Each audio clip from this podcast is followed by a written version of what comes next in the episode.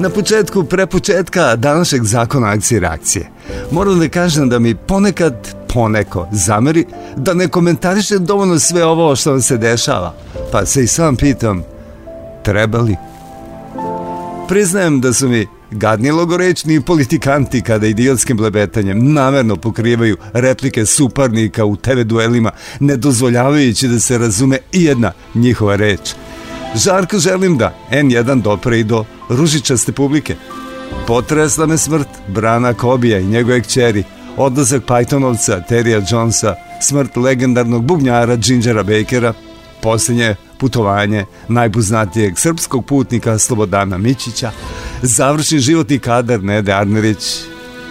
Sve najgore mislim o reizgradnji mostova na livadama, žičarama na Kalemegdanu, praonici novca na trgu, rovovskom ratu ulici 27. marta, pa i šire, o sileđinskoj predbiografiji Beograda na vodi, krušiku ispod tepiha, doktoratima, lakšim od male mature, vede direktorima i predsednikom šarmu.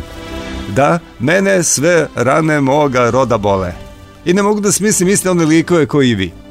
Ali ko sam ja da sve njih i sve to iz dana u dan, ofrlje, pardon, ad hoc, komentarišem, a da vrlo brzo ne postanem gadni, mali, maliciozni kritizer ili dežurni pogrednik koji će na onaj svet savesno da ispraća svaku poznatu ličnost ili večiti predlagač nečega što ovom gradu, državi, kontinentu, planeti treba i ničega što ovom gradu, državi, kontinentu, planeti ne treba.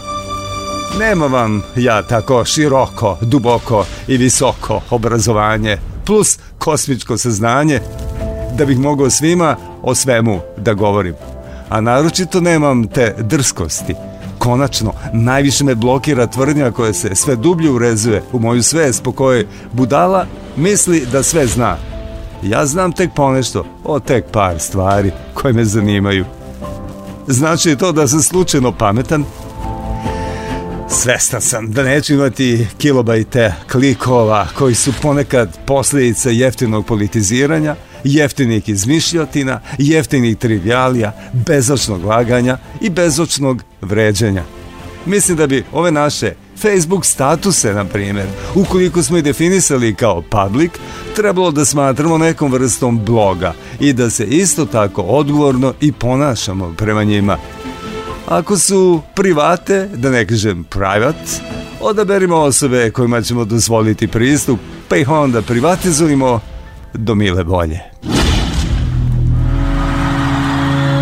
E, a sada pređu na nešto o čemu znam ponešto to istovremeno i povod za fotografiju iz oktobra prošle godine koju sam upravo postavio na svoj Facebook status. Naime, jedna mala finska ekipa iz Novog Sada u sastavu Aleksandar Marić i Vukašin Živaljević odlučila je da sačuva od zaborava legendarni jugoslovenski računar Galaksija. Srećan sam što mogu da vam predstavim prvi trailer dokumentarnog filma Galaksija, računar koji je odbio da umre pogledajte ga klikom na YouTube sa istom ovom pretragom. Dakle, Galaksija, računar koji odbio da umre.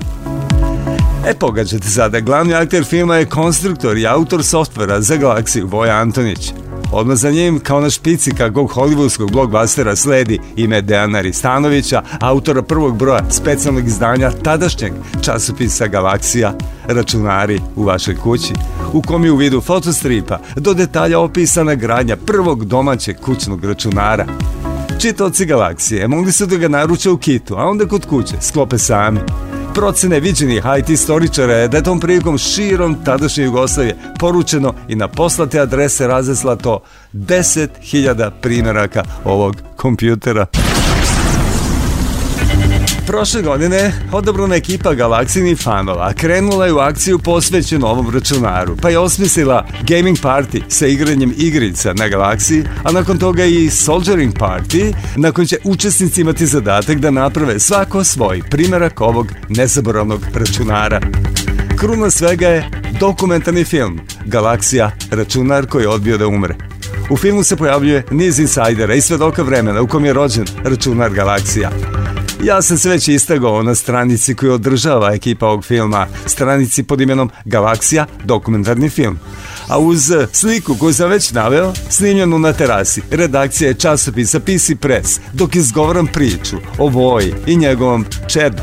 Mogu samo da dodam kako sam tog dana imao posao sa dvojicom izuzetno zanimljivih ljudi već pomenute filmađije Aleksandar i Vukašin. Da i ne govorimo o žaru s kojim su radili, a sada i završili film o Voji Antoniću, računaru galaksija i uopšte o računarskoj galaksiji na ovim prostorima s početka 80. godina ranog srednjeg veka u SFRJ.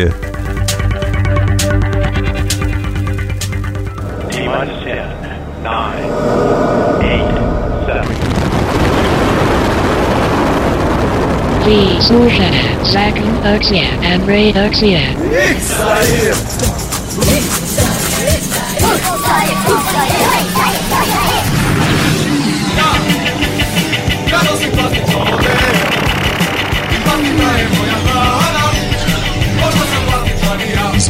Zion.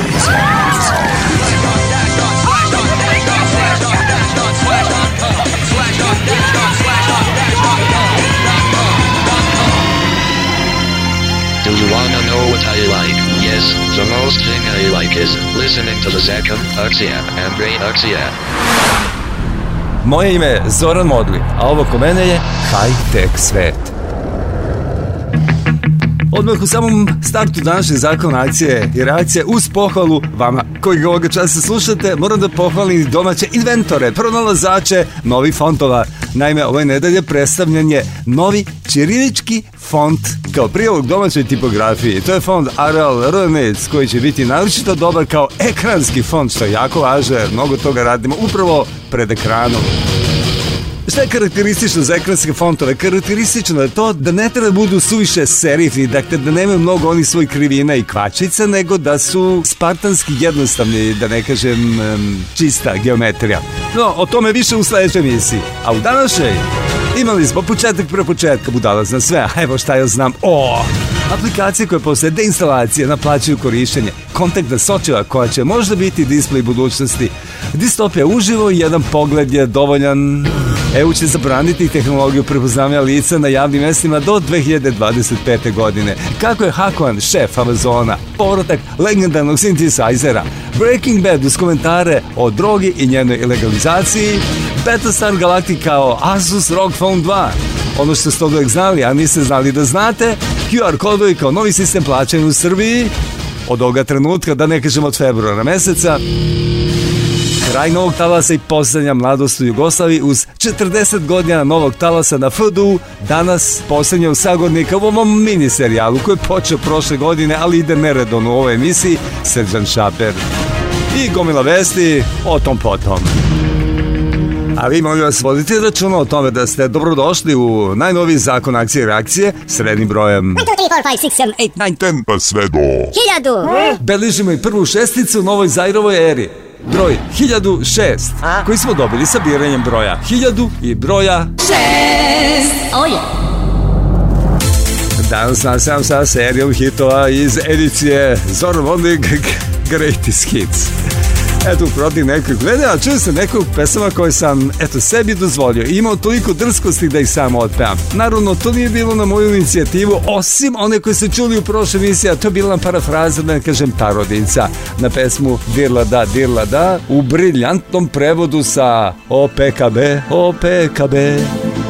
Danas vraćam se, danas idem godinu dalje, iz one 73. u 74. godinu i vraćam se na sećanje sa prvim zvaničnim, da ne kažem, komercijalnim pokušajem na Nagor Bore Đorđevića.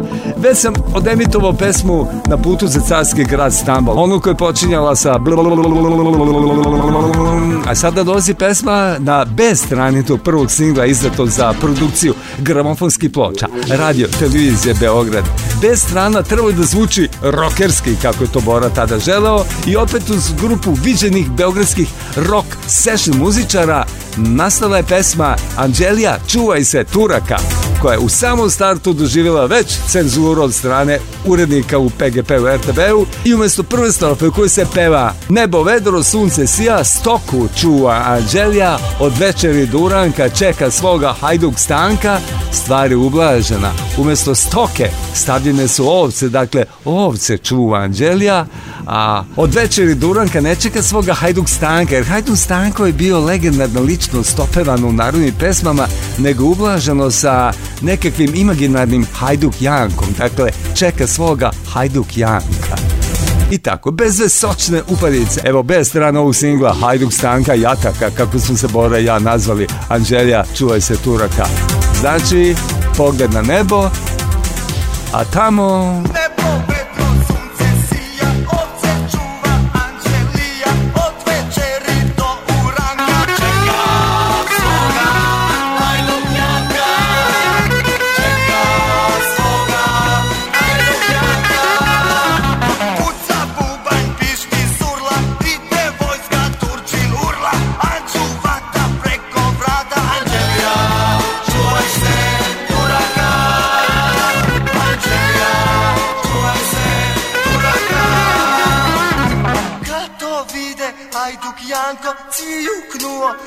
Mak Čanko, spasi Anđu i Alpogini Na prolećnoj mesečini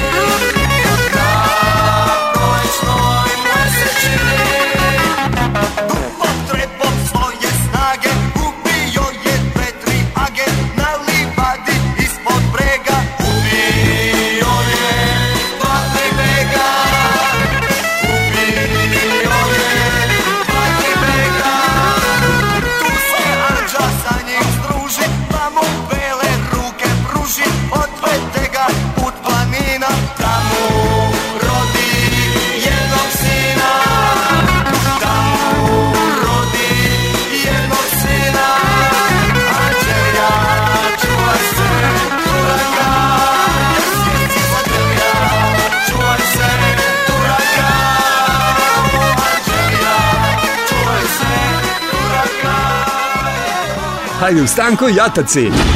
to jest Bora Đorđević i Zoran Modli u novoj seriji The Greatest Hits of Modli iz 1974. godine na singlu će A strana bilo na putu za carski grad Stambol, a na B strani ovo što ste čuli, Anđelija, čuvaj se, Turaka.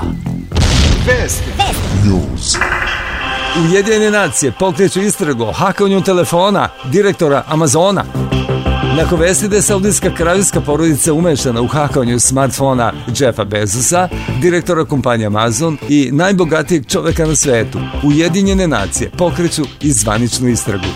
Ako se ovi navodi ispostave kao tačni, sve će ući u novu eru tehnološko-političkog terorizma. Izvori navode da je akcijom rukovodio prvi pomoćnik saudijskog princa, a korišćen je specijalan softver za hakovanje razvijen od strane izraelskih kompanija.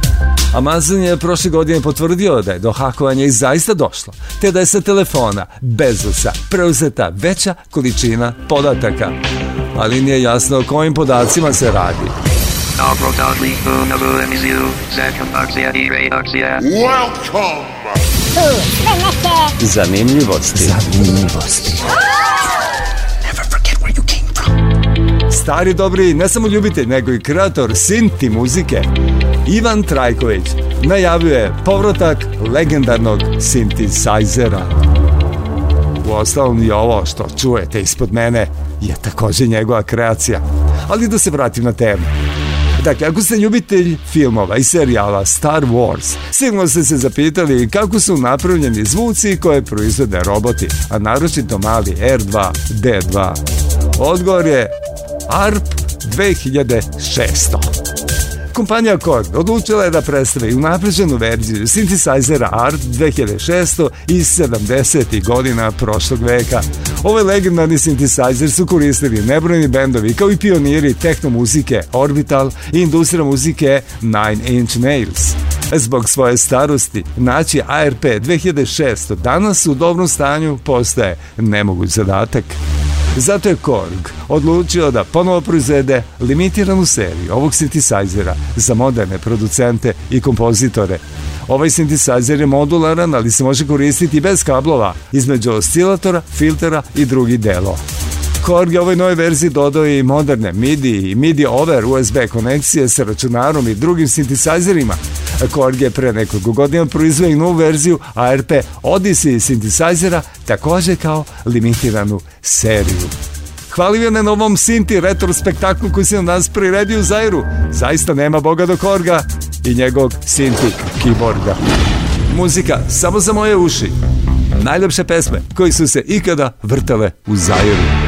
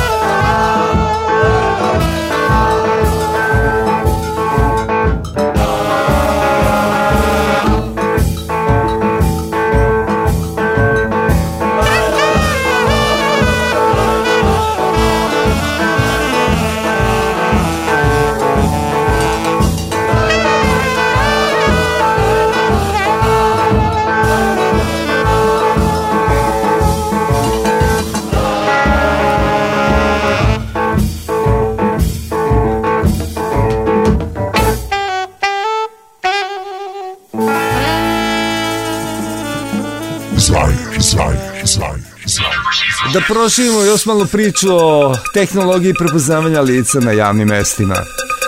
Upotreba tehnologije prepoznavanja lica na javnim mestima u državama članicama Evropske unije mogla bi biti čak zabranjena, ali ne odmah već do 2025. godine. Naime, Evropska komisija smatra da pre uvođenja na javnim mestima tehnologiju prepoznavanja lica treba bolje regulisati na način da se spreči narušavanje privatnosti u nacetu koji će, kako se predviđa, biti javno objavljen sledećeg meseca. Jedan od predloga komisije da države članice EU oforme telo koje bi osiguralo da se nova pravila adekvatno primenjuju. Upotreba tehnologije prepoznavanja lica od strane privatnih i javnih subjekata u javnim prostorima bil bi zabranjena na određeno vreme, na primer 3 do 5 godina, tokom koje mi se mogu utvrditi dobra metodologija za procenu uticaja ove tehnologije i identifikovati i razviti moguće mere upravljanja rizikom, navodi se u dokumentu. Kina je bila prva velika zemlja koja je primenila tehnologiju prepoznanja lica na javnim mestima. U novije vreme vlada u Pekingu odlučila je da instalira sisteme prepoznavanja lica i u apotekama, zahtevajući od onih koji kupuju određene lekove da zbog provere skeniraju lice. Nekoliko evropskih država već izrazilo nameru da uvede tehnologiju prepoznavanja lica u javnim prostorima. Nemačka je nedavno sprovela pilot program za prepoznavanje lica u Berlinu koji je uključivao upotrebu takvih sistema za skeniranje na železničkim stanicama i aerodromima. Test koji lokalna uprava smatra uspešnim već je završen, pa se sada razmatra široka implementacija sistema prepoznavanja lica Primjena tehnologije. Prepoznavanje lica raste u tehnološkoj industriji, tako da se takvi sistemi trenutno koriste na velikom broju uređaja, uključujući pametne telefone i računare. Očekuje se da će još kompanija koje prave takve uređaje masovno primeniti sličnu tehnologiju u svojim modelima planiranim za 2020. Što je rezultat pojeftinjenja proizvodnje, jer sve više proizvođača ulaže u povećanje proizvodnih kapaciteta. A ono što smo već zaključili u prošloj emisiji, para nikad dosta, prihodi svake godine moraju da se uvećavaju sve više, ne smiju da stagniraju, a to znači da tehnologija po svaku cenu, kako god zna, mora iz godine u godinu da čini sve novije i novije korake u napred. Makar nikome to i ne bilo potrebno. Ovo je zimsko izdanje Zakona akcije i reakcije. Evo nam od ovoga meseca QR kodova kao novog sistema plaćanja u Srbiji. Naime, građani Srbije uskoro će moći da plate robu skenirajući pametnim telefonima QR kod sa proizvoda. Tako da će u svakoj prodavnici biti moguće plaćanje putem telefona i QR koda, čime se nastavlja širenje mreže usluga instant plaćanja. Ovo je posebno važno za trgovce koji će na ovaj način istog trenutka dobiti novac za prodatu robu umesto da čekaju po nekoliko dana, kako to inače slučaj kada se plaćanje obavlja karticama. Širenjem novih usluga u oblasti e-plaćanja smanjuje se količina keša, što je praksa u brojnim razvijenim zemljama sveta. Za lidera po tom pitanju smatra se Švedska, koja je zacrtala plan da do 2023. dakle do preksutra godine, postane društvo skoro bez gotovine. E sad, kada reč o sigurnosti ovog tipa plaćanja, ustanovljena su pravila šta tačno treba da sadrži QR kod i ceo sistem oslanja se na iskustvo, praksu, domaće i međunarodne zakone. Svakoj države u interesu da ima što manje gotovine, jer upotreba keša, osim rizika da bude ukraden, zahteva skupe procedure čuvanja, transporta i skladištenja u Kini već odavno možete sve da uradite preko telefona. Kada recimo iznajmite auto, sve to činite preko aplikacije. Samo dođete na dogovorenu lokaciju i kolaž čekaju.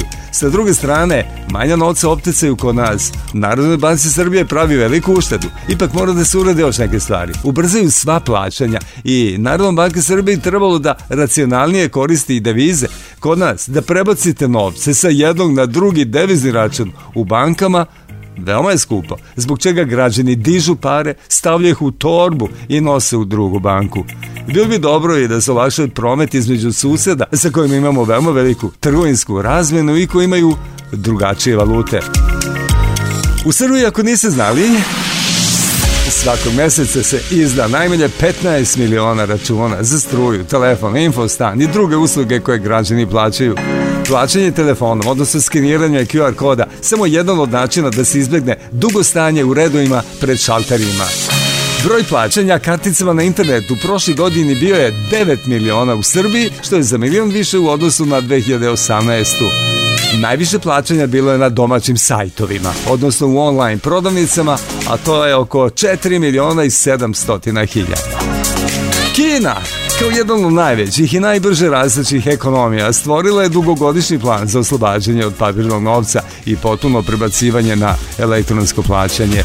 Ovaj trend nije zaobišao ni najugroženije slave društva, pa tako već pet godina prosjaci na ulicama Kine novac mogu da prikupljaju putem elektronskog plaćanja i čitanja QR kodova sa pametnog telefona.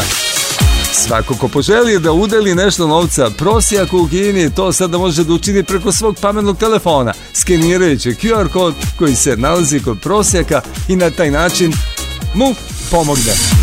Očekujemo QR kodove sada i u našim podzemnim prolazima i na uglovima prometnih ulica. Sumnjam da će to tako brzo biti. Ali recimo, kada reč o uličnim sviračima, što da ne, to bih jako voleo. I like this song. Okay, listen and enjoy. Are you ready? That lipstick on your collar, well, it ain't my shade of pink. And I can tell by the smell of that perfume, it's like $40 too cheap. And there's a little wine stain on the pocket of your white cotton thread. Well, you drink beer and whiskey, boy, and you know I don't drink red. Found it over in the corner, wadded up on the bedroom floor should have hid it in a closet. You should have burned it. You should have lost it. And now I'll have to hang you out to try, try, try. Cross all your secrets to the limelight.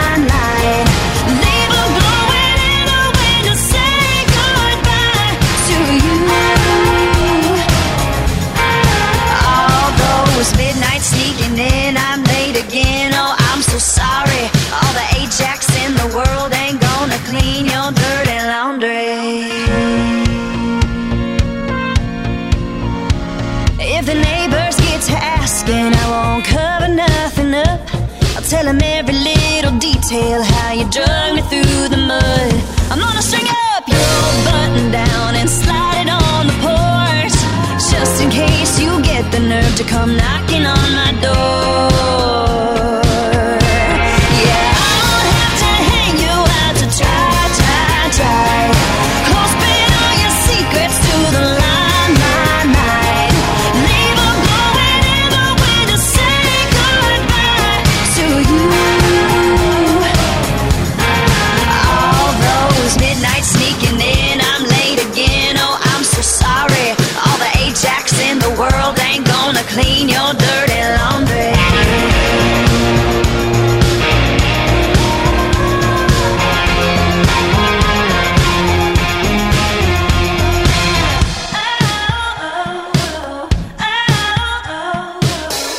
it over in the corner, wadded up on the bedroom floor. You should have hid it in the closet, you should have burned it, you should have lost it. Now I don't have to hang you out to dry, dry, dry. Close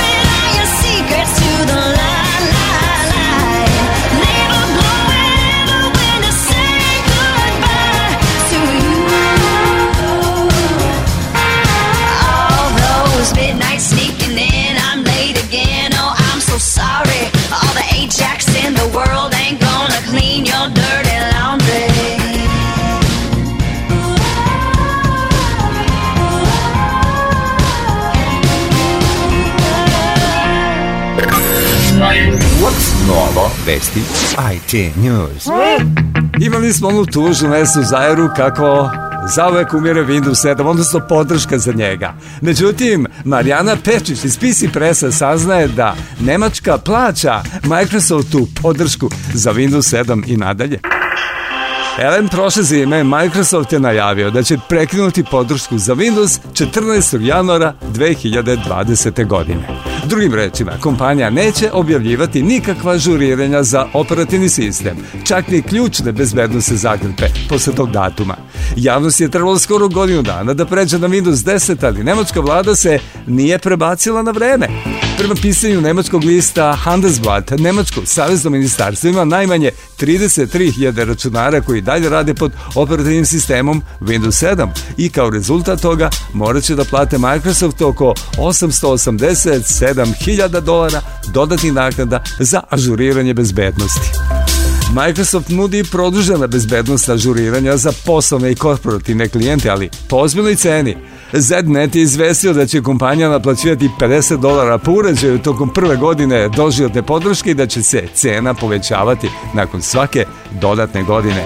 Kada organizacija ima desetine hiljada računara, te naknade se sabiraju brzo. Održavanje hiljada računara težak je posao. Virusi, maleri, ažuriranja softvera, problemi sa hardverom i greške korisnika čine gotovo beskonačnu listu obaveza za administratore. Ali kada se za operativni sistem navi kraj podrške, nadogradnja na najnoviju verziju obično primaran prioritet. Međutim, govorimo o vladinoj organizaciji, pa se očekuje nedostatak finansijske i tehničke ekspertize. Srećom, nadogranja je mnogo lakša za kućne korisnike koji još uvek mogu da iskoriste vreme za nadogranju na Windows 10 besplatno. Dok za to vreme, ko što rekao na početku, nemačka vlada plaća Microsoftu nastavak podrške za Windows 7 zakon akcije i reakcije i tema emisije. Znate li da je više od 600 miliona korisnika instaliralo aplikacije koje posle isteka probnog perioda i deinstalacije nastave da naplaćuju korišćenje?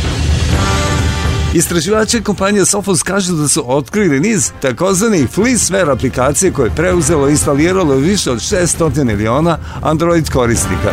Izraz Iz je skorašnja smislili su ga istraživači britanske firme Sophos prošlog septembra, posle istrage koja otkrila novu vrstu prevare u zvaničnoj Googleovoj Play prodavnici.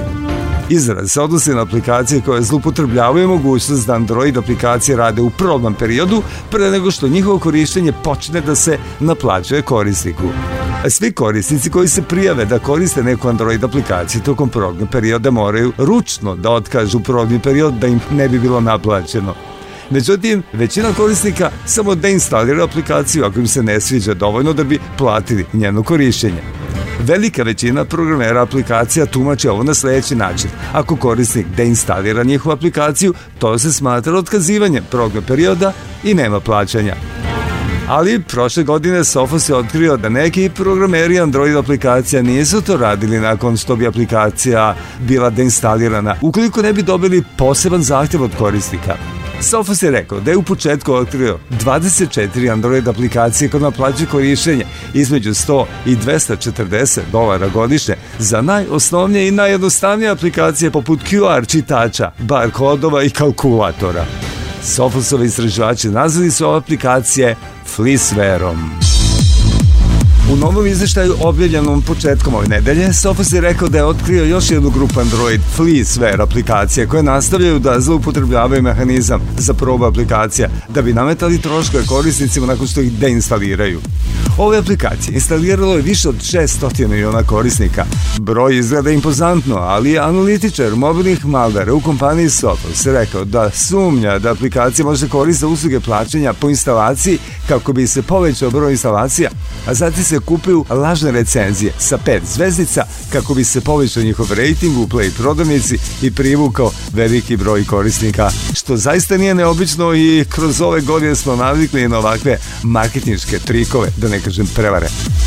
Vrlo verovatno da se nisu svi korisnici koji su instalirali ove aplikacije pokušali prijaviti za probni period, već bi oni koji su to želili trebalo da provere istoriju plaćanja u Play prodavnici za bilo kakve troškove koji potiču od ranije korišćenih, a sada deinstaliranih aplikacija spisak od, sa 25 Android aplikacija za koje Sophos kaže da su freesware možete naći na sajtu ove kompanije. Jedna od aplikacija, recimo Go Keyboard Lite, ima istoriju sumnjivog ponašanja.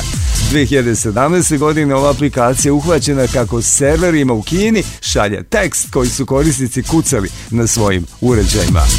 Dakle, nije samo bezočna krađa, već i bezočno uhođenje.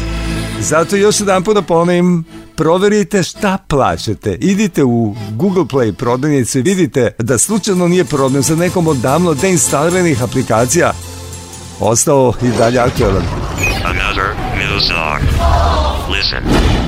I wanna lay you down on a bed of roses, but not like Bon Jovi. I'ma leave the thorns in cause you like it rough. Whoa.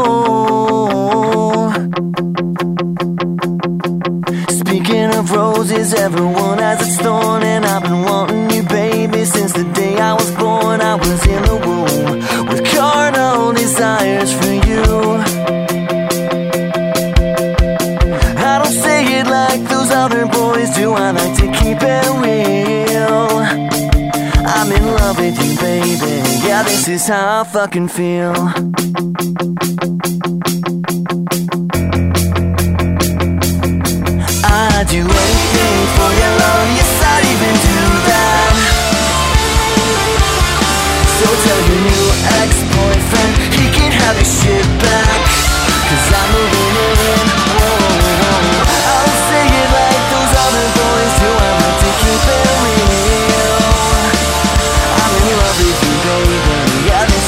I fucking feel.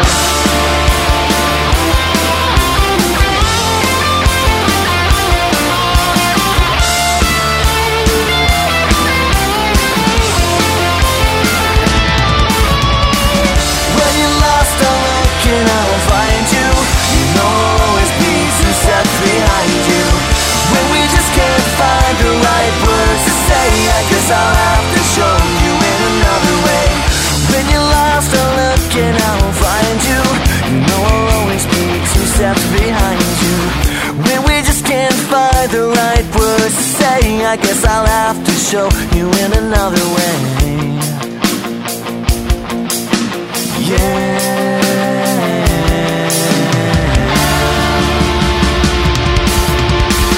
i say it like those other boys do. I'm gonna keep it real. I'm in love with you, baby. Yeah, this is how I fucking feel. High Tech Sven i High muzika oko nas. reakcije ide dalje. Još to negde prošle jeseni Markus Maki je odgledao, da ne kažem, otpinđovo seriju Breaking Bad. Da spodsjetim, to je TV serijal koji išao negde u periodu od 2008. do 2013. godine i suštinski govori o profesoru hemije sa diagnozom neizlečivog raka pluća koji kreće da proizvodi i prode metaamfetamin kako bi osigurao budućnost svoje porodice. Evo Markusa i komentara u ondašnjem prvom delu priča inspirisanih upravo serijom Breaking Bad.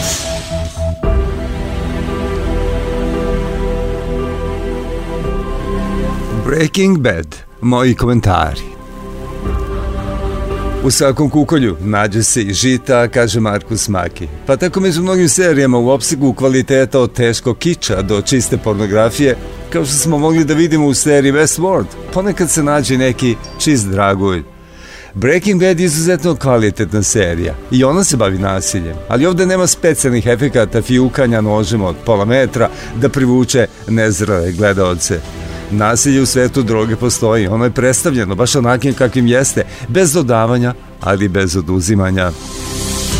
Serija je multidimenzionalna, o njoj bi mogli čitave studije da se napišu i verujem da ću i sam napisati više priloga na tu temu, ali bi se ovde pozabavio najvažnim aspektom o kome skoro niko do sada nije pisao.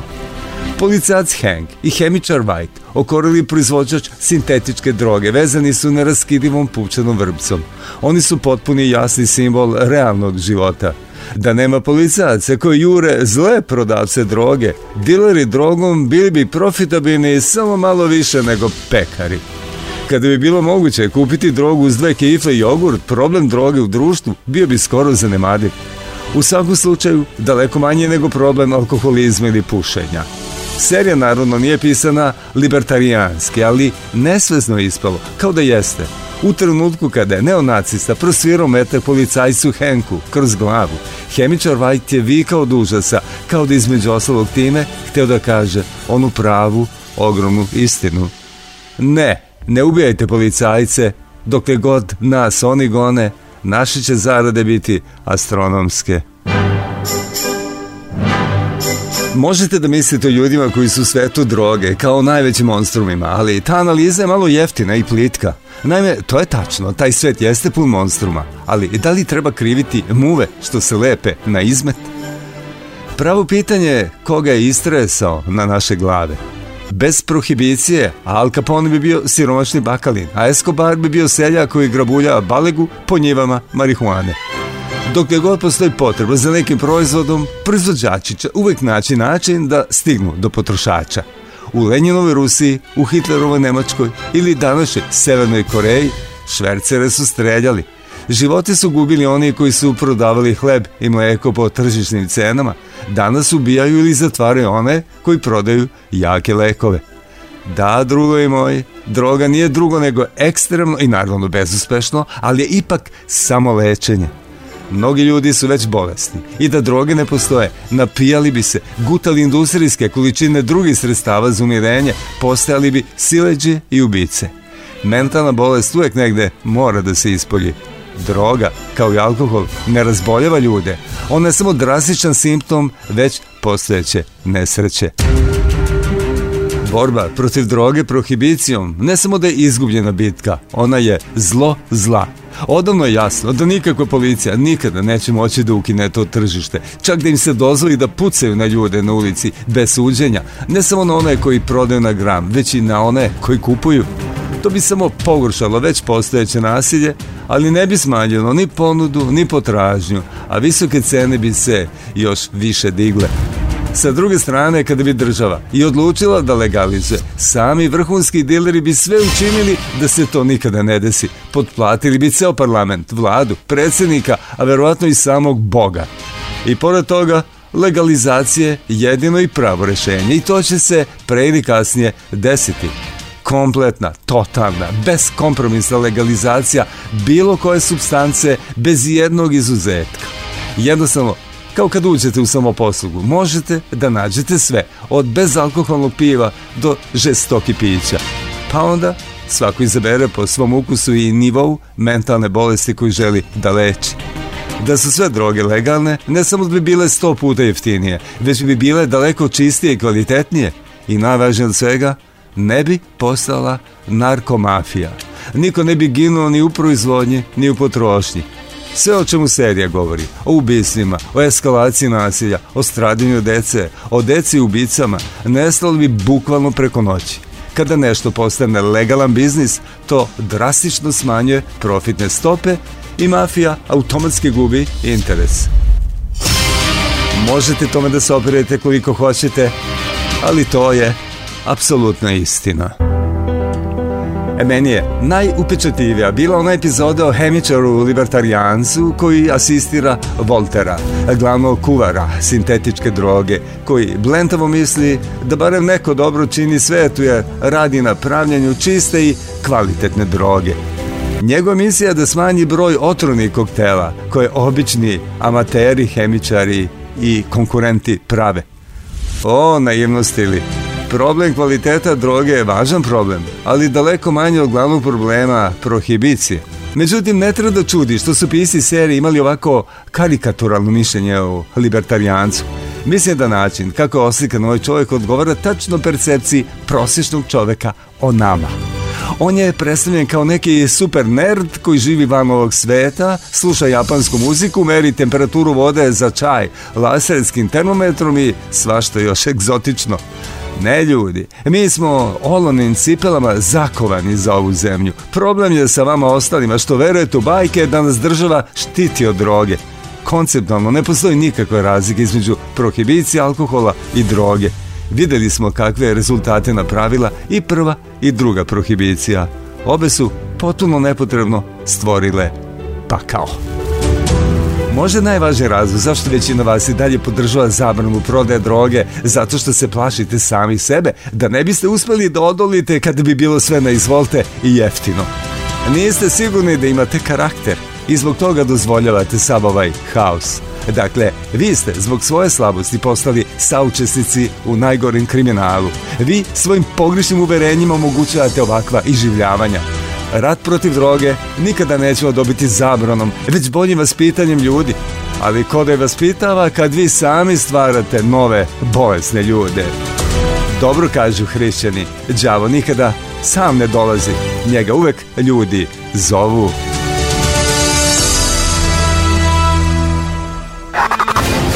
Markuse, hvala i na ovom pismu. Ali još jedno pročitano pismo ne znači da zajedno više nismo. Naime, sve do sadašnje, ali i buduće Markuseve postove možete potražiti na njegovom blogu markusmaki.wordpress.com. Divna prilika da Markusa uvek imate pri ruci i srcu. Zvajer, zvajer, zvajer, zvajer.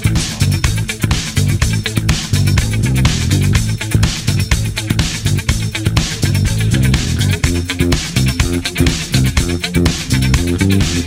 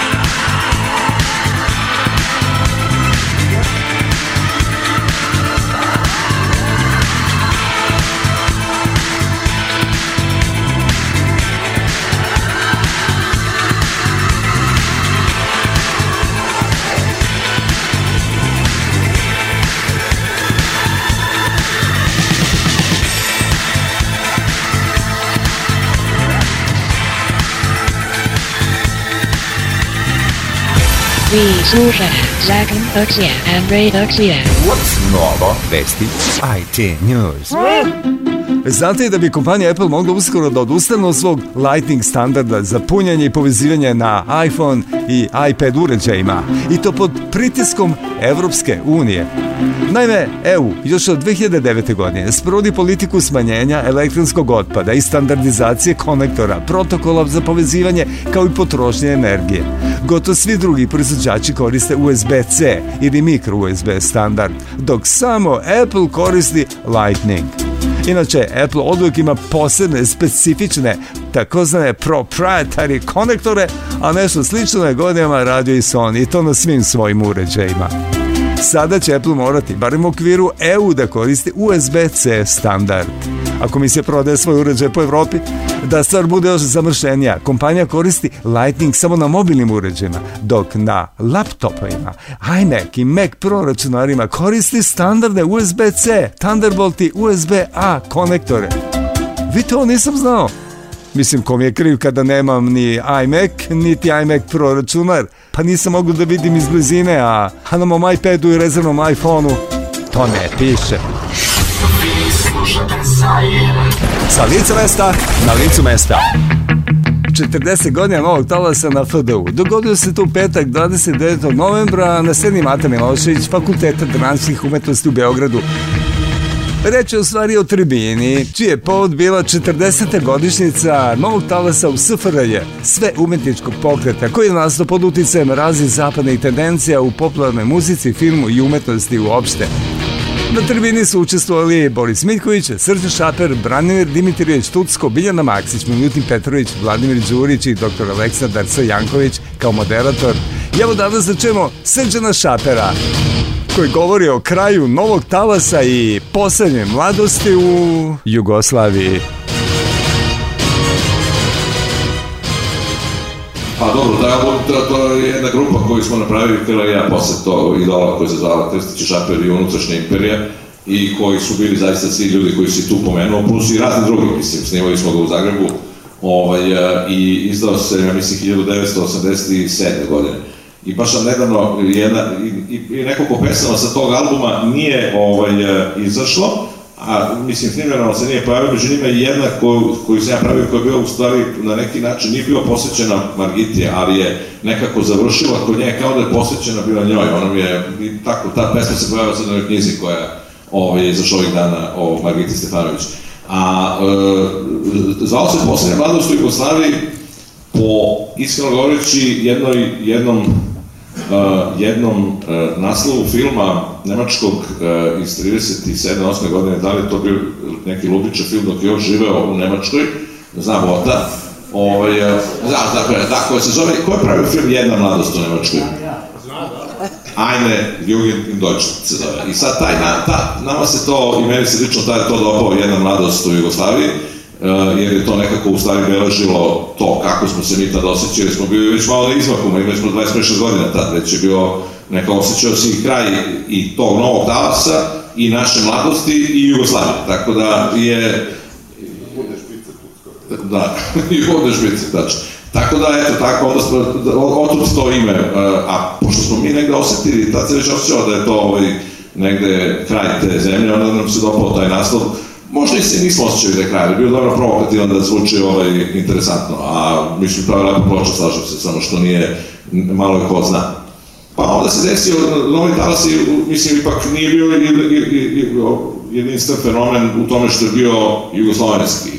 On je ipak bio evropski jedan pokret koji je, ili zapravo da kažem, britansko-jugoslovenski pokret da budem tačni, mislim, do što je nekako Jugoslavija tad, Italija je slabo stajala tačno, Poljska je dobro stajala, jer je interesantno koliko je Poljska recimo imala veze sa tim, zato što ovaj, je tu u novembru 80. bila jedna novinarka iz New Musical Expressa u Beogradu koja je trebala da ide sa nama i sa orgazmom koji smo trebali da imamo na turneju po Poljskoj. I onda tamo izbio državni udar i ne znam koliko se vi uopšte sećate toga, gde solidarno, tako dalje, tako dalje. Tek ona nije otišla onda s tamo, nego je ostala ovde i ona napisala veliki tekst o tom Beogradskom novom talasu koji je u tom najuglednijem i super nama svima zanimljivom časopisu, odnosno novinama koje su nedeljno izlazile u, u Londonu. I, I mi smo sve utisak koji mislim da vreme nije osporivo da je ta muzička scena tada u Britaniji i Jugoslaviji bila najinteresantnija kad se radi o novom talasu u Evropi, naravno uz Američku, mislim, koja je bila isto ovaj, ozbiljno. Ali to je trajalo 2 tri godine, tako već 83. četvrte se nekako i završilo. Ovde je nastao novi primitivizam koji sam ja uvek doživljavao kao državni odgovor u stvari na, ovaj, na, na novi talas. E, I e, mislim da je bila jedna konstrukcija koja nije nastala slučajno i, ovaj, e, i tako to se završilo.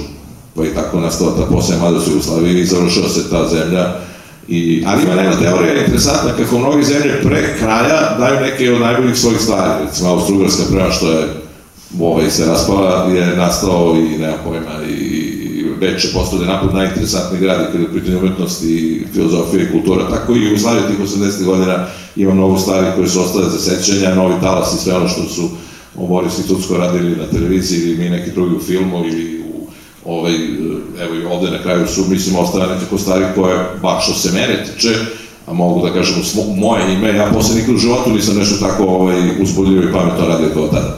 Mislim, očekivao sam da hoću, ali nije se pružio prilika posle. Da. Eto o kraju novog talasa i poslednje mladosti u Jugoslaviji govorio je Srđan Šaper na tribini održano podom 40 godina novog talasa na FDU kraj novembra na sceni Mata Milošević Fakulteta dranskih umetnosti u Beogradu. Great music for a great city.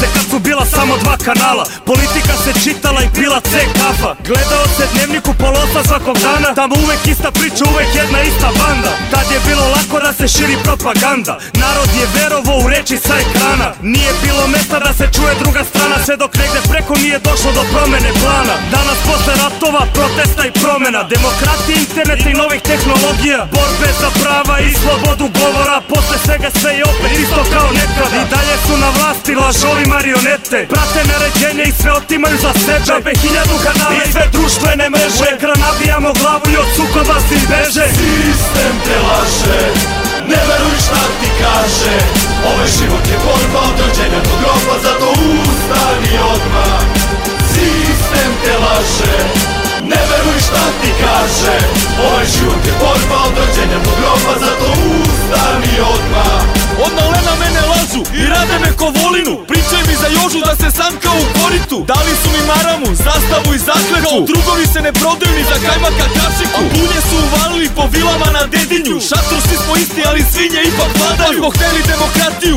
izašli na ulicu Trošili energiju, popušili kurčinu Strane agenture me izvuka ko majmunčinu Da napije se suzavca, da nam sjebu državu Sad slušamo baronije iz usta loših glumaca Al nisu oni vlast, već pozorište lutaka Znam ja kome laži, od koga sam ja zgao kažem Banke, MMF, korporacije su važne A sistem i postoji da za njih pravi pare I bit će pravde tek kad ovo carstvo padne Sistem te laže Ne veruj šta ti kaže Ovaj život je borba od rođenja do groba Zato ustani odmah Sistem te laže Ne veruj šta ti kaže Ovaj život je borba od rođenja do groba Zato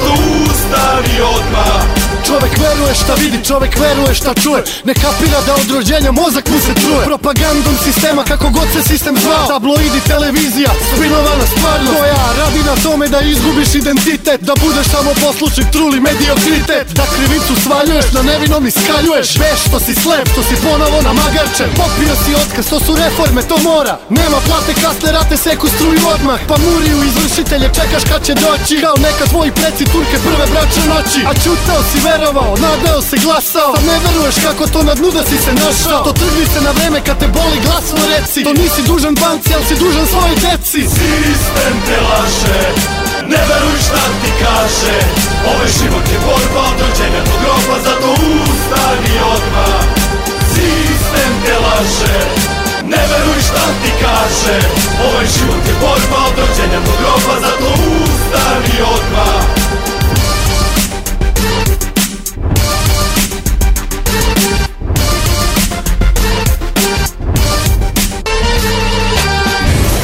Novi korak za zakon akcije i reakcije. Vesti. News. Hajde sad da malo u orbitu oko naše planete. Jebenog satelita koji bi mogao da eksplodira zbog problema sa baterijom. Radi se o jednom od Direct TV satelita. Direct TV je u obavezi da u narednim mesec dana ukloni ovaj svoj satelit iz geostacionarne orbite, kako ne bi uništio i druge satelite ukoliko eksplodira zbog problema sa baterijom satelit Spaceway 1. Probleme je počeo da pokazuje još u decembru 2019. A anomalije do kojih je došlo u okviru baterija izazvali su termalna oštećenja. Baterije su nakon toga isključene, pa satelit funkcioniše samo uz pomoć energije koju dobija preko solarnih ploča sredinom februara bi trebalo da se nađe u zemljenoj senci, tako da će baterije u tom periodu biti jedini izvor energije, pa upravo zbog toga satelit mora da se popne 300 km iznad geostacionarne orbite do 25. februara, te stigne na mesto gde sateliti odlaze da okončaju svoj radni vek. Problem je u tome što SafeWay One ima goriva za još bar 5 godina rada, pa bi eksplozija bila prilično jaka i sigurno bi uticala na komunikacijne satelite koji se nalaze u geostacionarnoj orbiti. Direct TV je u vlasništvu kompanije AT&T, a korisnici neće biti pogođeni pomeranjem satelita, budući da je Spaceway One bio samo podrška glavnom satelitu. Pa nadajmo se da će biti izguran u najviše spratu orbite pre nego što pukne. Ili on, ili Bruka.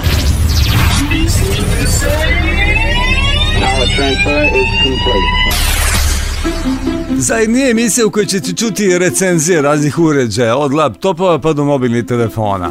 Ali kad jednu takvu recenziju napiše Miodrag Kuzmanović, onda ne mogu da ne pročita makar njen deo.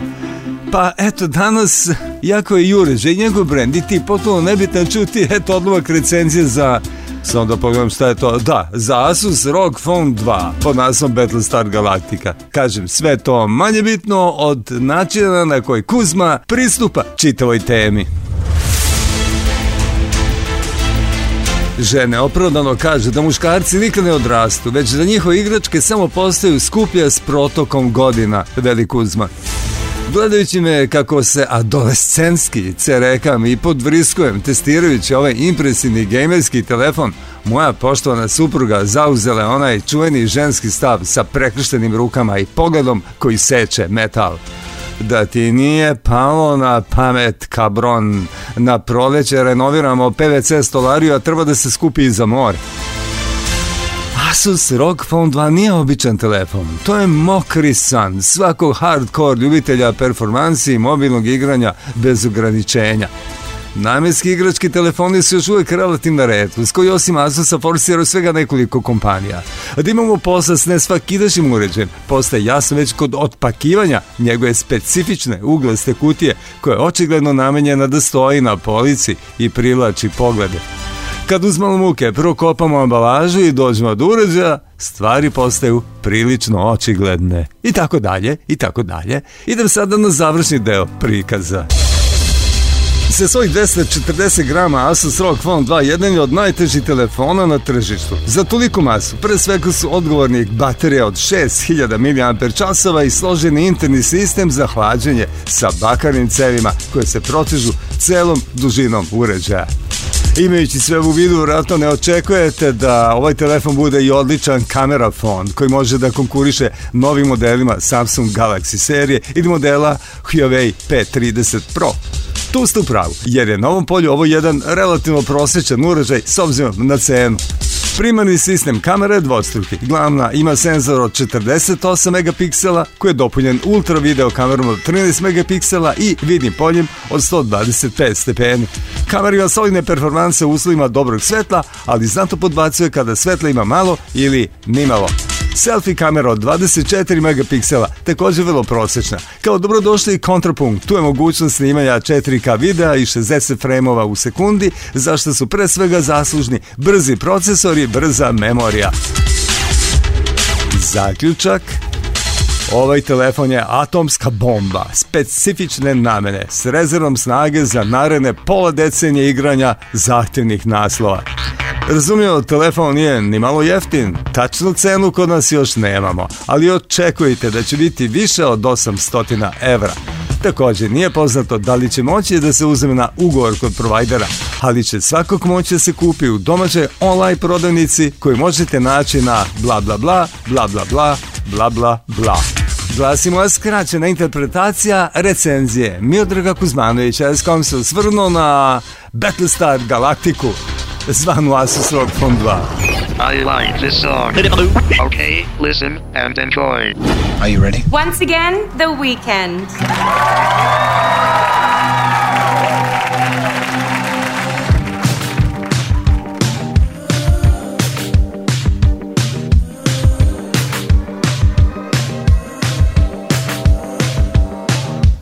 Bathroom stars for the powder nose heel shoes with the open toes. She's got a good time wrapped in gold for you, for you. All red dress with the devil eyes. So obsessed with the camera lights. You love her, but you can't deny the truth, the truth. She loves everybody.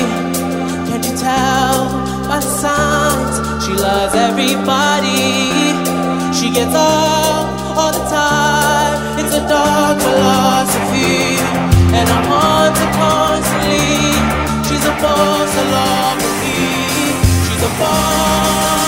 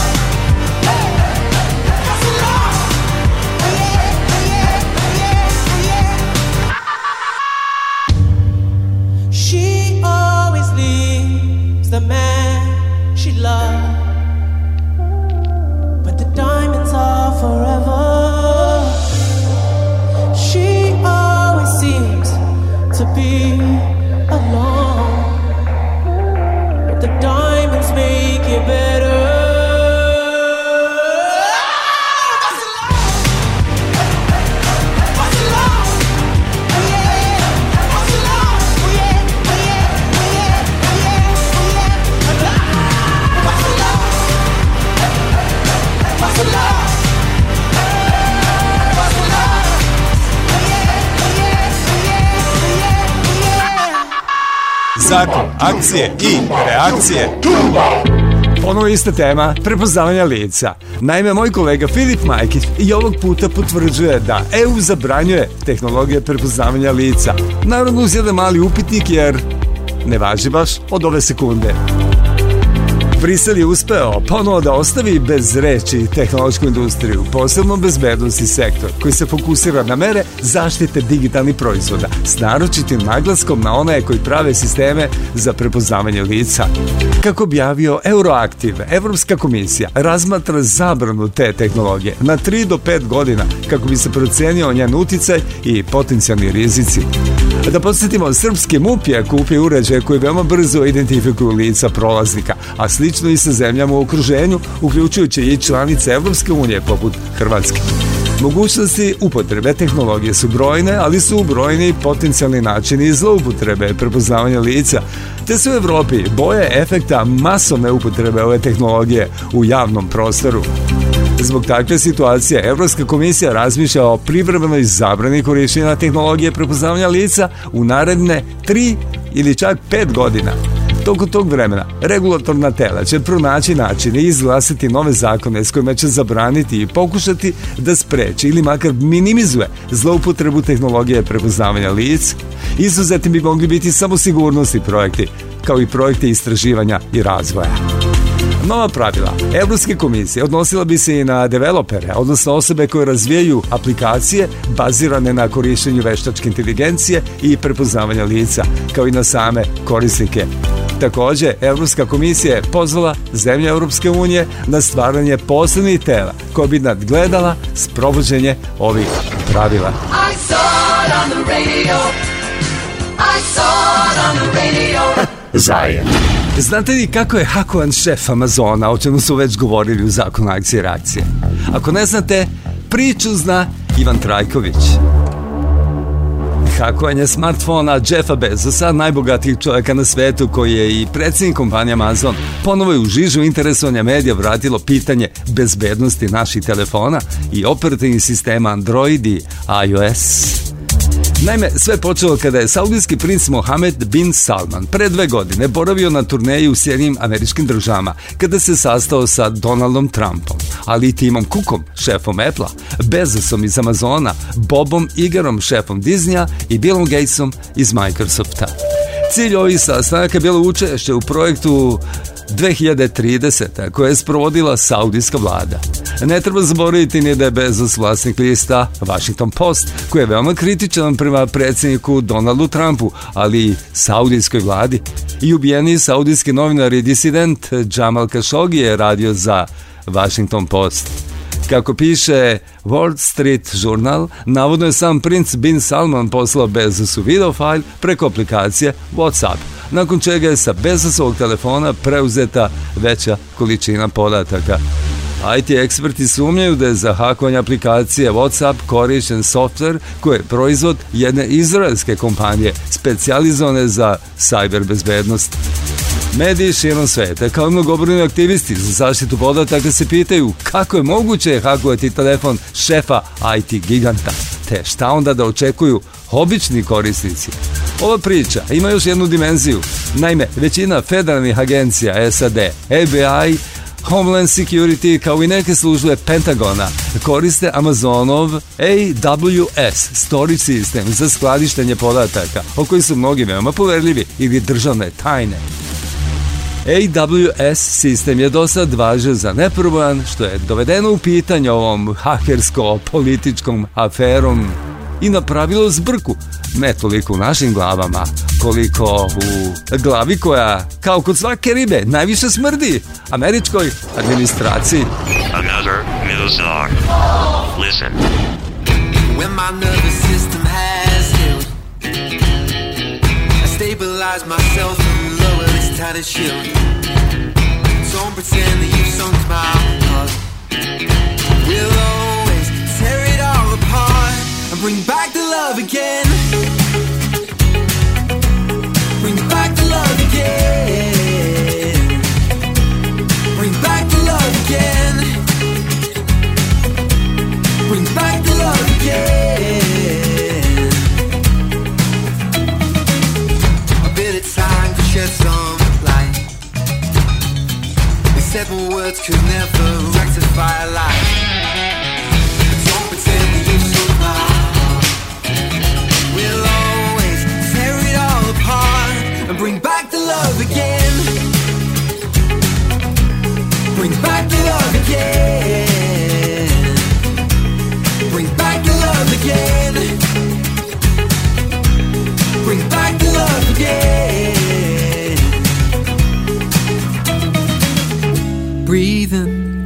breathe out, you won't ever fall through. And breathe in, breathe out, you won't be misconstrued. So breathe in, breathe out, you won't ever fall through. And breathe in, breathe out, you won't be misconstrued. So breathe in, breathe out, you won't fall through. And breathe in, breathe out, you will never be misconstrued. So breathe in breathe out, you will never fall through. And breathe in, breathe out, you will never be misconstrued.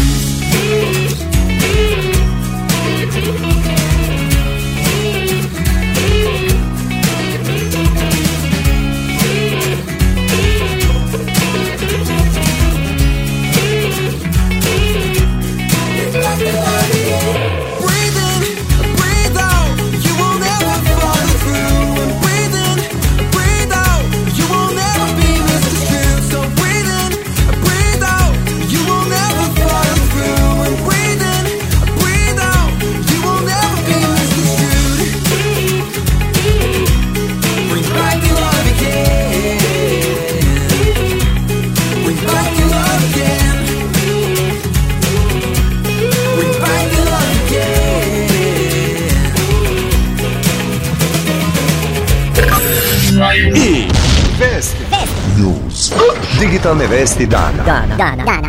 Da. U prošloj misli imali smo već priču da, o tome da je gotovo sa lažnim fotkama, dakle o domaćoj aplikaciji koja potvrđuje autentičnost fotografija. Danas ću samo da vas podsjetim na to jednim kratkim pogledom unazad na ovu korisnu aplikaciju.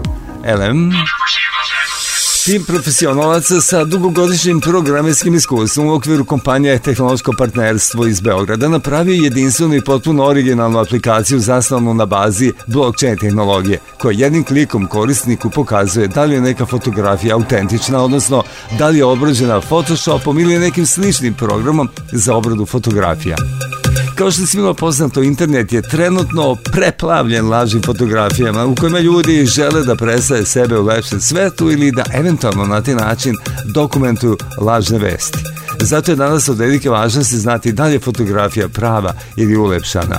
Naime, Photoshop i slični grafički programi su dovedeni gotovo do savršenstva, tako da bez stručne i detaljne analize nije moguće otkriti da li su na fotografiji napravljene neke izmene. Upravo tu na scenu stupa Verified by Pi ili Verified by Pi aplikacija. To je alat koji automatizovano na jedinstven način omogućava proveru verodostojnosti fotografija. Upotrebom ove aplikacije lako je saznati da li je neka fotografija autentična ili makar i donekle obrađena. Samo jedan klik, odnosno samo deli sekunde, dovoljan je da korisnik dobije potvrdu o verodostojnosti i dokaz o autentičnosti fotografije. Verified Pay omogućava korisnicima društvenih mreža i online servisa kod kojih je fotografija jedan od osnovnih načina komunikacije kao što su Instagram, Tinder, TripAdvisor, Airbnb, Booking i mnogi drugi da konačno dobiju pravu informaciju o tome da li gledaju realnu ili obrađenu sliku. U okviru istog projekta, ali prvenstveno namenjena posnim korisnicima je i nova verzija aplikacije koja pored fotografija korisnicima omogućava i proveru verodostojnosti dokumenta, raznih ugovora, memoranduma, faktura, što zaista može u ovo vreme digitalni prevara da bude od neocenjive koristi.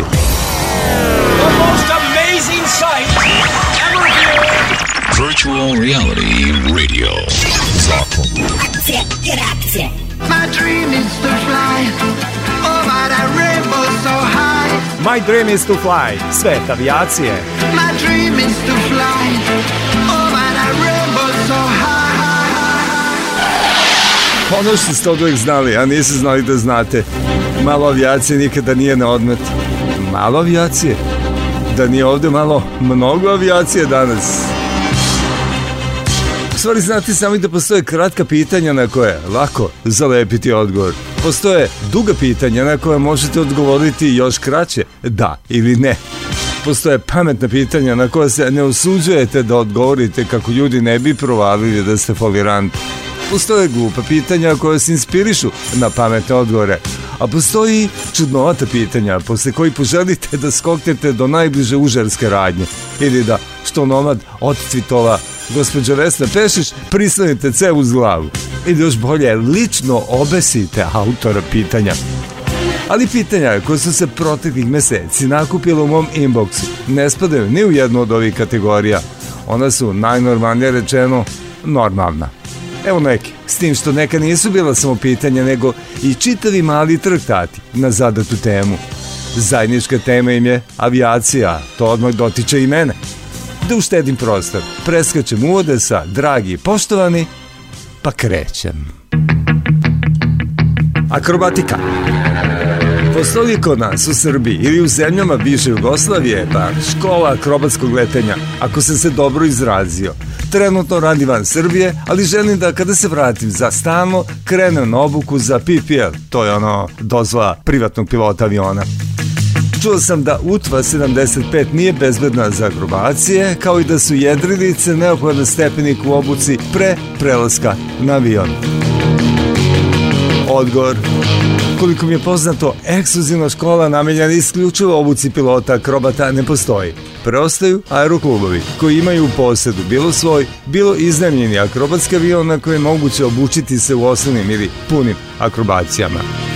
No kad zakucate na vrata pilotske škole za koju ste se odlučili i onako ćete saznati sve detalje. E sad, to što kažu za utvu 75 nije su sasvim u pravu. Uvodio sam je i vadio iz kovita. Sa njom takođe izvodio osnovne akrobacije, dakle ona je sa pozitivni G i ponašala se iznenađujuće dobro. Tu ne računamo ono malo otpadaka sa poda što bi u leđnom letu pilotu popadalo po glavi. Doduše i u moje vreme su zabranjivali akrobacije sa utvom pa sam odlaze u pilotažnu zonu, podalje od aerodroma i radoznanih očiju, ali s padobranom pod sobom, za svaki slučaj. No, tada je još uvek u punoj snazi bio i Zlin 526, koji je Vazduhoplovni savez iznemljivo aeroklubovima kako bi sa pilotima, početnicima, odradili u to vreme obaveznih 5 sati akrobatskog letenja. Što se jedrilica tiče, one su zaista divan i autentičan način za sticanje osjećaja za letenje i čudi vazduha. Međutim, uz znalačku obuku na avionu ne moraju da budu neophodan stepenik u pilotskom napredovanju. Ne možete očekivati da komercijalne pilotske škole kupuju još i jedrilici. Njihov zadatak je da angažuju kvalitetne timove instruktora letenja. Sledeće pitanje bih nazvao Gear Up a ono glasi. Zorane, zamolio te da mi odgovoriš zašto pilot odmah po poletanju podiže točkove aviona. Uvlači ih da bi što pre smanjio ogroman otpor vazduha koji oni stvaraju. Postoji još jedan razlog – U slučaju iznenadnog otkaza oba motora, odmah nakon poletanja, kada avion nema šanse da se okrene i vrati na pistu, piloti su prinuđeni da slete na raspoloživi teren tik ispred aviona. Obično je to, ako imaju sreće, relativno mek zemljani teren na koji bi sletanje s izlučenim stajnim trapom dovelo do užasnog karambola, pa je sletanje na gladak stomak aviona, takozvano belly landing, jedini način da se izbegnu i teža nesreća i moguće žrtve. I posljednje pitanje koje sam nazvao Grom. Zamolio bih da mi kažete, da li Grom može da udari avion u letu? Može i događa se često. U većini slučajeva avion to ne osjeća, Njegov trup se ponaša kao Faradayev kavez. Te elektricitet ne prodire unutrašnje kabine, već se preko nizova žičanih provodnika takozvanih static dischargera, nekom vrstom minijaturnih gromobrana koje ćete primetiti duž izlaznih ivica krila, odvodi nazad u atmosferu. Rekoh, u većini slučajeva, ali vas sigurno interesuje ona manjina. E pa električno praženje atmosfere ponekad može da bude ekstremno jako – tako da ni sva sila statičkih ispražnjivača ugrađenih na letelici nije u stanju da se izbori sa tako snažnim udarom munje.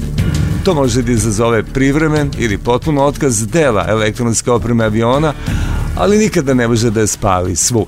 Obično je osigurana trostrukom alternativom, pa zato ne treba da strepite da će vaš očeravili avion baš potpuno oslepeti. Tako sam se danas malo vodio i kroz svet avijacije, hteli vi to ili ne, ali u pitanju su bila pitanja koja su postavili posjetnici mog web sajta i mog Facebook statusa, a to su oni koji su sve to oduvek znali, a nisu znali da znaju. Najljepša muzika svih vremena. Oh.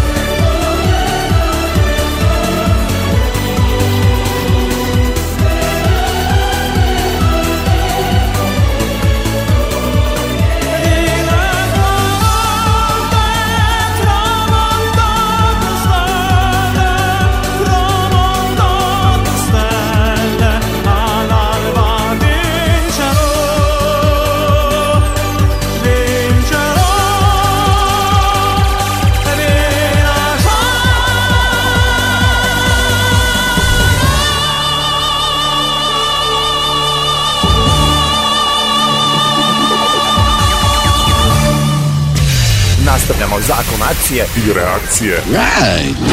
Brani se bubanja, koji inače ne nosi kontaktna soća, naravno, ni naučeri, kaže da će kontaktna soća možda biti displej budućnosti.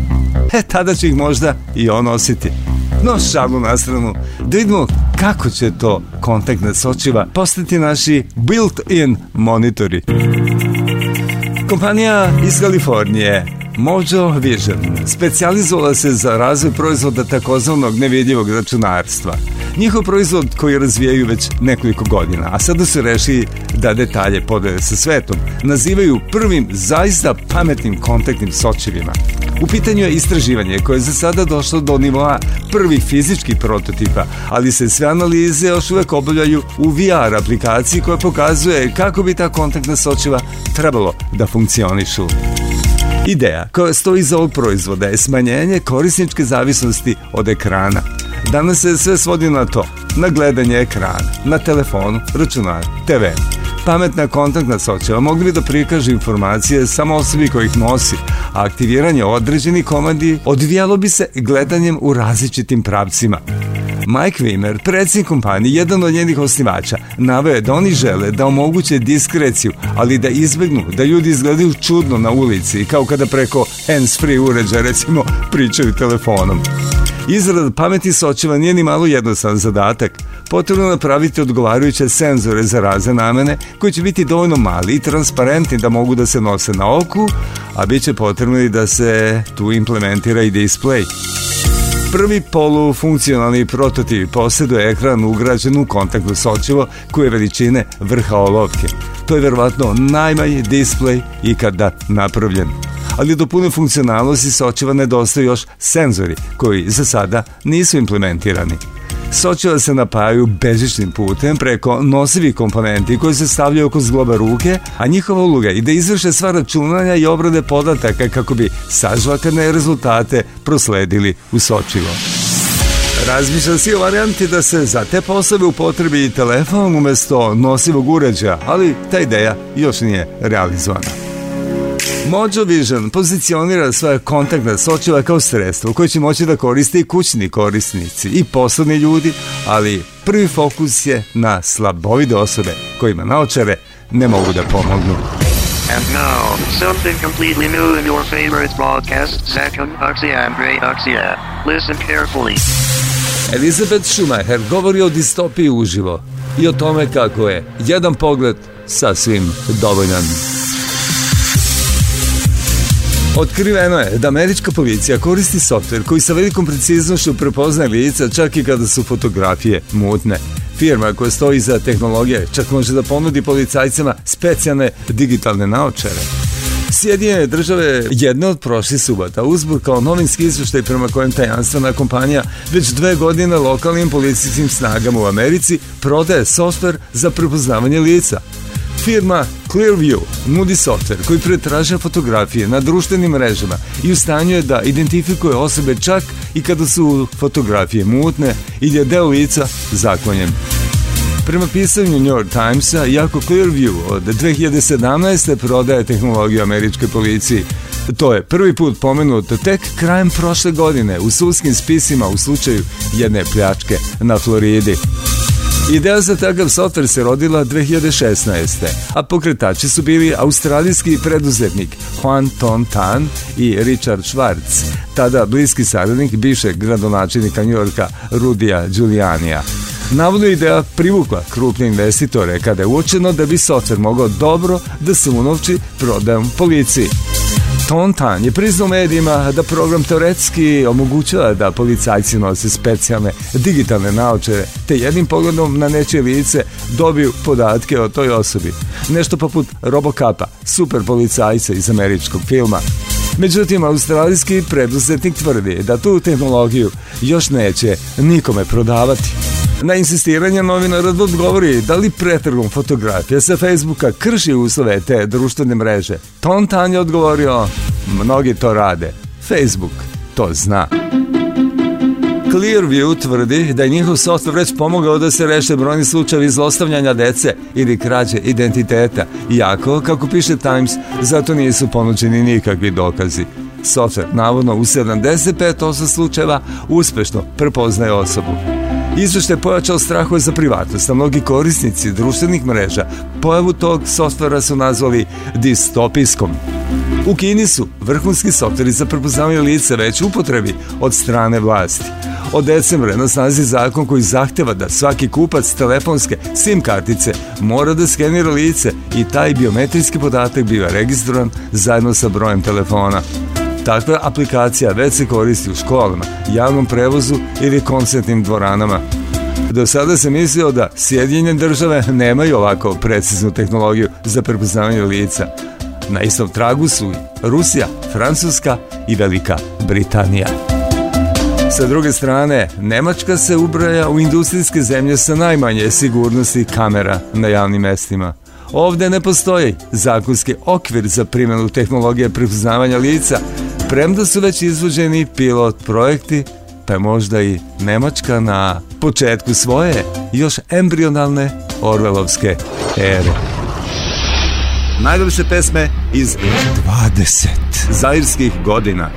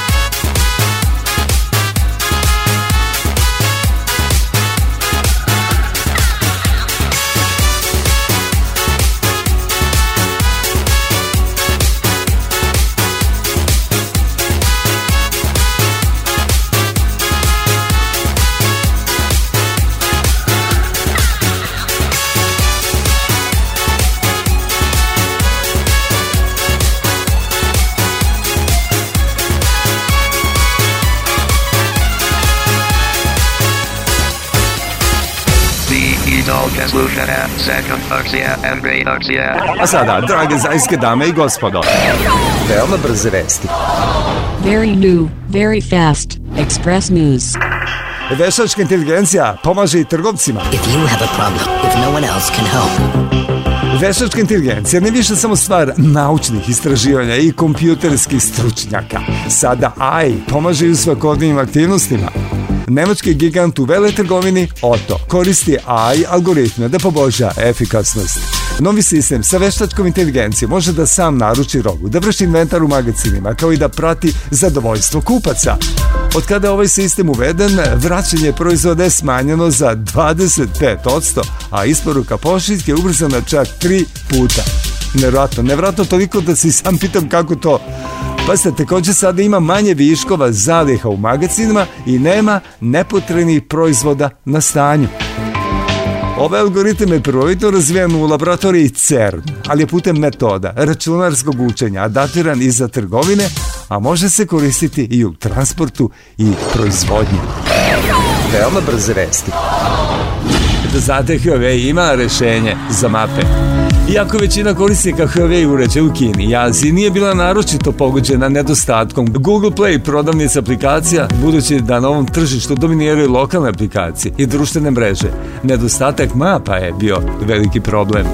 Sada je Huawei našao rešenje za ovaj problem. Od sada će na svojim uređajima koristiti mape kompanije TomTom. Tom. Mnogi tvrde da su Tom Tom aplikacije i mape bolje od onih na Google servisima, a ova kompanija vodeća kada je turn by turn navigacija u pitanju. Veoma brze vesti. Indija lansira robota u svemiru. Indija je za manje od jedne decenije razvila veoma uspešan svemirski program, a za 2022. godinu je navljena i prva ljudska posada. Ipak, pre prvih indijskih astronauta, Svemirsku kapsulu će testirati humanoidni robot nazvan Vajomitra od sanskritske reči za svemir. Ovaj robot ima razne senzore koji simuliraju prisustvo ljudi u letelici, može da upravlja kompjuterskim sistemima i obavlja druge zadatke, a sve to s pomoć veštačke inteligencije. Planira se nekoliko naslednika ovog robota koji će u budućnosti leteti zajedno sa ljudskim posadama. I Rusija ima sličan program. Roskosmos je prošle godine uspešno lansirao u svemir robota pod imenom Fedor, koji ima i naprednije mogućnosti nego Vajomitra. Veoma brze vesti. Evo i Pentagona koji namerava da lansira sazveže satelita. Američko ministarstvo odbrane putem novo formirane agencije SDA, Space Development Agency, planira da u narednih pet godina lansira više od stotinu satelita. Ovi sateliti će biti podeljeni u slojeve i imaće razne namene, poput nadgledanja terena, praćenja lansiranja raketa, ali i civilnu upotrebu, poput zamene za već ostareli GPS sistem navigacije. Pentagon planira da svake godine lansira do 20 novih satelita. Na ovo treba dodati planove privatnih kompanija poput SpaceX i Facebooka da sami stvore svoje mreže satelita za pristup internetu, pa nema sumnja da će budućnosti iza naših glava vladati sve veća gužva. Kad svako bude počeo da lansira svoje grozove satelita, ne da ćemo imati satelitsko grožje nad glavama, imat ćemo vršačke vinograde u svemiru. And now, najljepše pesme koje su se ikada vrtele u Zairu. Po meni. Oh.